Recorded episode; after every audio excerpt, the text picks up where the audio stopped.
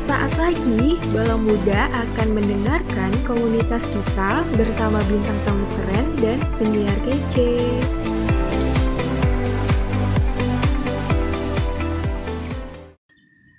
Halo, perkenalkan nama gue Iwanul Mustafa, biasa dikenal Golok sih. Jadi di sini gue dari Poros Kopi. Poros Kopi itu adalah uh, sebetulnya komunitas ya, komunitas yang bergerak di industri kreatif tentang kopi terutama. Jadi Poros Kopi ini dulu dibentuk atas tujuan kita ingin menjadikan Poros Kopi ini sebagai uh, apa sih namanya poros kan namanya poros itu dia sebagai ya edukasi atau sebagai pokoknya yang baik-baik di kopi kita kerjakan gitu. Nah kemudian kegiatan di poros kopi itu apa aja? Kegiatan di poros kopi itu sebenarnya ada dua sih dari segi kreatif hmm. atau biasa apa dari segi industri hmm. atau dari segi uh, perkembangan kopi itu sendiri misalkan edukasi tentang uh, kopi edukasi tentang menanam kopi yang baik edukasi tentang pengolahan kopi yang baik sampai edukasi tentang meminum kopi yang baik itu seperti apa oh. gitu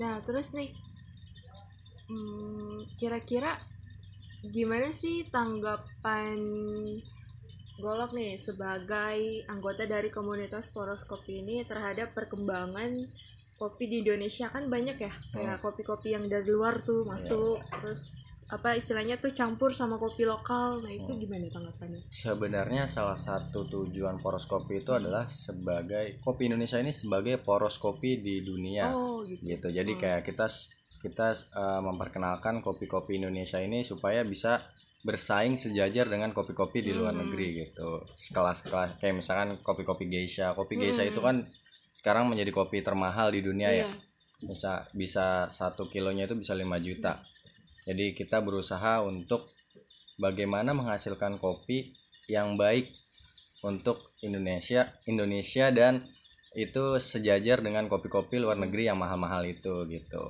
Tagline poros kopi itu adalah ya uh, great coffee start from you. Jadi kayak kopi yang baik itu berasal dari lu dulu gitu. Hmm. dari lu udah bisa menghasilkan kopi yang baik lu bisa meng-share yang lain gitu. Bisa bisa memberitahu yang lain Nah, terus gimana nih kalau ada orang yang mau gabung ke Poros Kopi, apakah dia harus jadi barista dulu atau bebas? Uh, sebenarnya enggak juga sih. Hmm.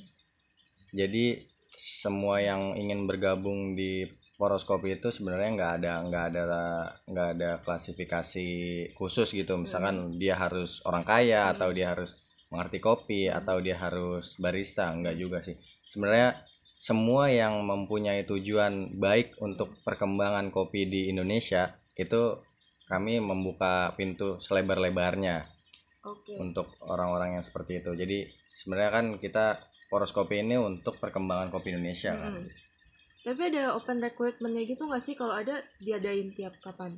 Seska untuk sekarang sih belum ada ya untuk oh. open recruitment. Namanya kan komunitas. Komunitas hmm. tuh kayak misalkan kita gabung untuk kolaborasi hmm. meng, uh, menghadirkan suatu acara untuk perkembangan kopi hmm. di Indonesia tersendiri. Kayak misalkan kemarin itu baru kita ngadain Bintaro Coffee Festival. Hmm. Nah, itu itu gabungan sih. Jadi banyak teman-teman yang ngebantu gitu. Nah, terus nih kita ngebahas soal kopi gimana sih buat pemula nih cara kenal apa ya cara mengenali jenis-jenis kopi gitu. Kan kalau orang awam kan kalau minum kopi ya udah itu kopi gitu tapi nggak tahu itu biji kopi apa. Jadi uh, kopi di Indonesia ini yang familiar tuh ada kopi arabica dan kopi robusta hmm. gitu kan. Jadi kopi arabica itu biasanya kopi-kopi yang lebih mahal daripada kopi robusta. Karena kopi arabica ini penanamannya membutuhkan uh, apa sih kayak perhatian khusus gitu. Dia lebih rawan sama uh, penyakit-penyakit segalanya gitu kan.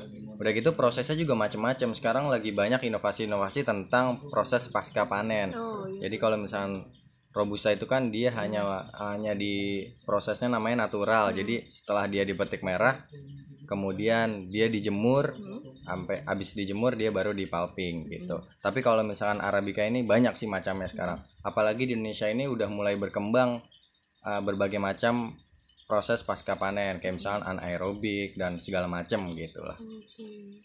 Tapi uh, dari Golok sendiri tahu gak sih kebun kopi di Indonesia tuh di mana aja gitu atau enggak kayak perusahaan kopi Syashat deh sebenarnya dia punya kebun sendiri gak sih? Oh Sebenarnya kalau poroskop ini bukan ke arah kopi saset ya, hmm. jadi lebih ke arah specialty coffee oh, gitu. gitu. Jadi specialty coffee itu kan uh, adalah kopi yang benar-benar pure kopi tanpa adanya campuran bahan-bahan yang lain gitu. Jadi specialty coffee.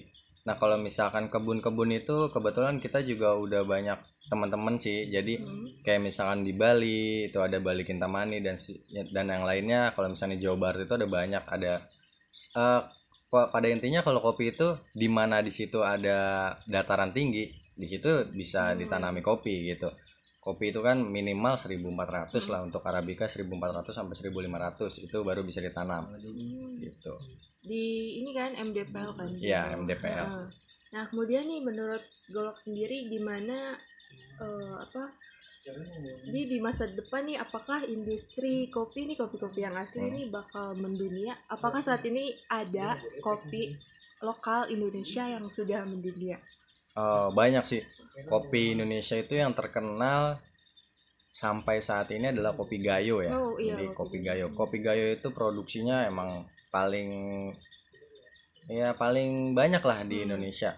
Karena semua orang gayo itu ya sebagian besar petani kopi hmm. gitu kan kalau misalkan di dunia untuk kopi itu udah udah menurut saya udah udah berkembang sih jadi kopi ini kan sudah ada kalau di Indonesia ini sudah ada 500 tahun sebelum sebelum apa maksudnya 5 500 tahun dari tahun sekarang ini kan hmm. jadi ya berkembangnya udah mulai banyak cuman kita masih mengusahakan bagaimana kita menghilangkan stigma-stigma negatif yang masyarakat tahu tentang kopi? Hmm. kayak misalkan kayak kakak. Misalkan kakak ini doyan kopi nggak? Uh, doyan sih. Ah kan banyak stigma-stigma negatif iya. tentang kopi itu. Misalkan kopi ini bikin asam lambung uh, ya kan? betul. kopi ini pahit lah. Uh. kopi ini bikin apa ya banyak lah pokoknya stigma-stigma negatif. Sebenarnya itu enggak sih. Selama uh.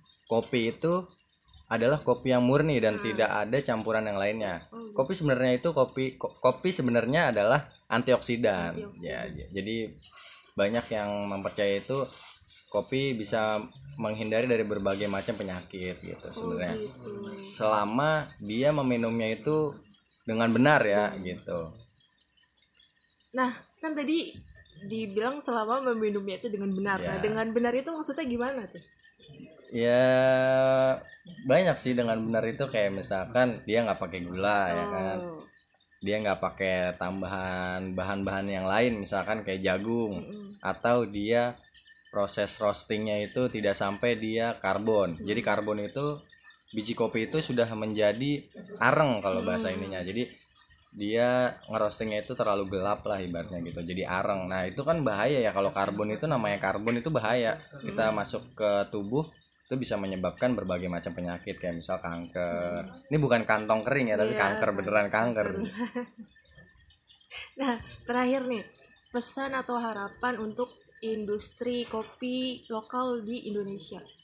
Harapannya sih ya yang baik-baik sih ya. Semoga kopi di Indonesia ini bisa bersaing dengan kopi-kopi di luar sana kayak hmm. ya sebagai poros sih itu tagline dari poros uh -huh. itu pengen banget kopi Indonesia ini benar-benar menjadi poros kopi yang ada di dunia gitu. Jadi ya harapan-harapannya semoga selama pandemi ini juga kopi kan juga agak turun ya. Jadi yang biasanya orang-orang pada ngopi di kedai kopi tapi selama pandemi ini banyak kebijakan-kebijakan yang mengharuskan uh, masyarakat ini untuk di rumah dan itu sangat beri, berimbas buruk kepada para pelaku industri kopi hmm. karena di Indonesia ini orang ngopi itu karena untuk menemani mereka nongkrong ya jadi masih ya semoga aja penikmat kopi di Indonesia ini semakin banyak dan semakin banyak yang uh, mengerti tentang kenikmatan kopi dan ya semoga aja gitu sih.